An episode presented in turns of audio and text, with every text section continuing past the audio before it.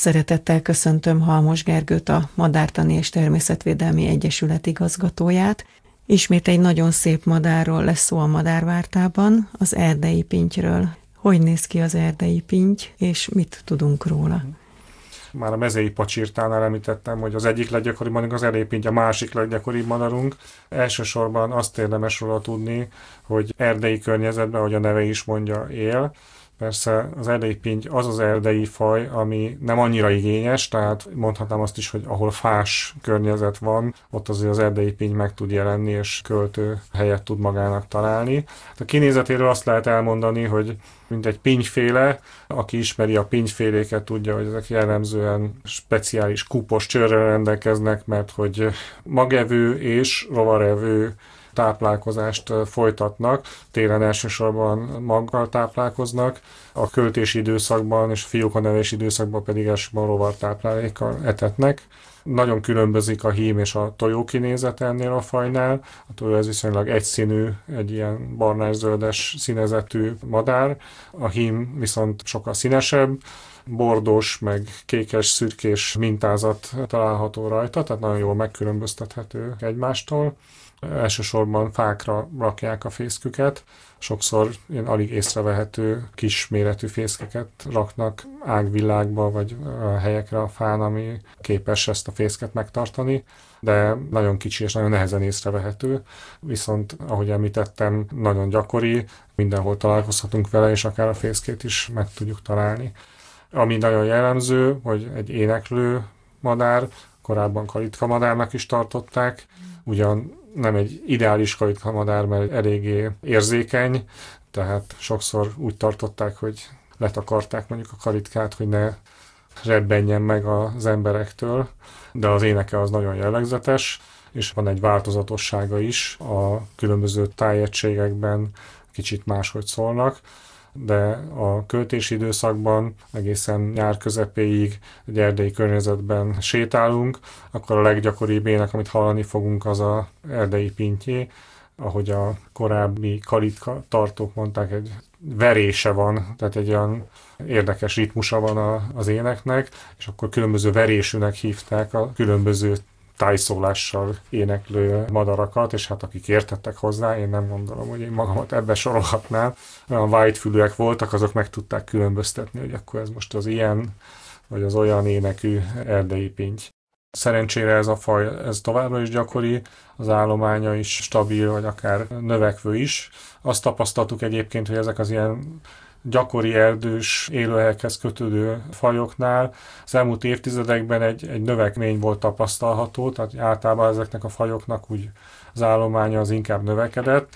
Másrészt azért ilyen kertvárosi környezetbe is bebe téved, akár költésbe is, ha kellően erdő jellegű a kertváros. Illetve nálam például agglomerációban lakom, nálam például rendszeres téli vendégvezetetőn, hát tél... talajetetőt csináltam hmm. neki, és a pintyek azt szeretik. Télen mindenképpen télen a településekre is bejön, kifejezetten az a faj, ami hálás az etetésre, az etetőkre jár, mint hát sok más ilyen pintyféle ezeket szívesen használja.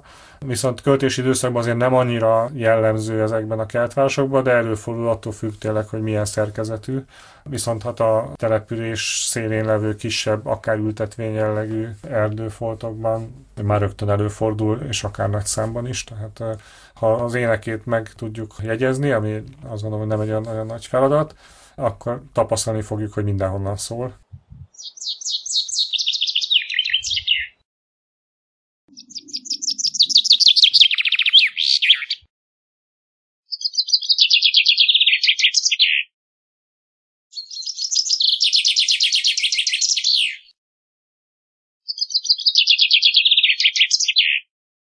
Azt mondtad, hogy kúpos csőrük van, ilyen vastag, erős kúpos csőrük van a pintyeknek. Miért kell neki olyan vastag kúpos csőr? Ez a magfogyasztáshoz. Hogy föltörje a Igen, magot? tehát ez a magföltörés, ez a típusú csőr sokkal alkalmasabb. De hát a cinke is föl tudja törni. Igen, télen fogyasztja, mert akkor a rovartáplálék az nem annyira rendelkezésre, de az ő csőre az inkább egy rovarevő jellegű csőr, Nyilván ez egy ilyen átmeneti skála, aminek vannak szélső értéke, valamivel csak rovart lehet fogyasztani, mondjuk egy légy kapucsőrével nehezen törnék fel bármit.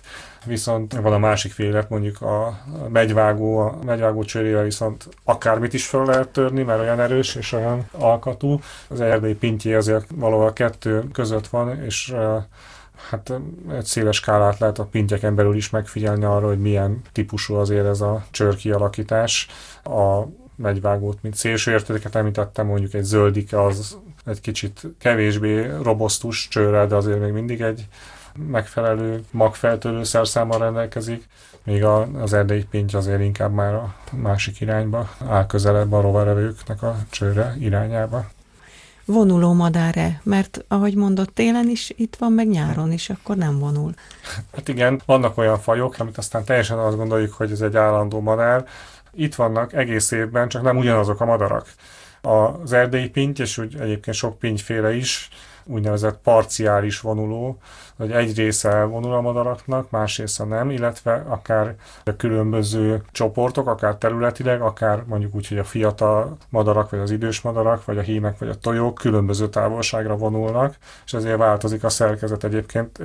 Ha már így ez szóba került, a latin neve Fringilla cőleps az erdei pintnek, azért, mert hogy amikor ezt elnevezték, az volt a megfigyelés, hogy télen csak hímek maradnak, kvázi cölibátusban vannak a... Ah, szóval nem celeb, mad- hanem cölibátus. Igen, és az annak köszönhető, hogy a, a fiatalok és a tojók azok nagyobb távolságra vonulnak, a hímek pedig éjszakabbra maradnak, ez sok fajnál egyébként megfigyelhető mintázat, azért, mert a hímek így tavasszal gyorsabban érnek vissza, vagy akár ott is maradnak a költőterületekkel, és teritoriumot tudnak foglalni, ezáltal ők sikeresebbé válnak. A fiatalok kiszorulnak arról a területről, vagy kevésbé fontos számukra az, hogy korán érkezzenek, ezért délebre mennek, ahol viszont jobb a táplálékellátottság. A mi erdei pintjeinknek egy jelentős része az délnyugati irányban elvonul, egyes esetekben akár Észak-Afrikáig is eljuthatnak, de azért tipikusan az észak-olaszországi területeken töltik a téli időszakot, és hozzánk pedig tőlünk észak-keletről érkeznek madarak. Nagyon sok adatunk nincsen, de mondjuk Ukrajna, Oroszország irányából érkezik valamennyi madár, és vegyül valamennyivel, ami itt marad. Tehát ez nem egy olyan tipikus vonulási mintázat, mint egy füstifecskénél vagy gólyánál, ami nagy része elmegy jó messzire, majd visszajön, hanem így keverednek a különböző állományok, és részben akár helyet is cserélnek.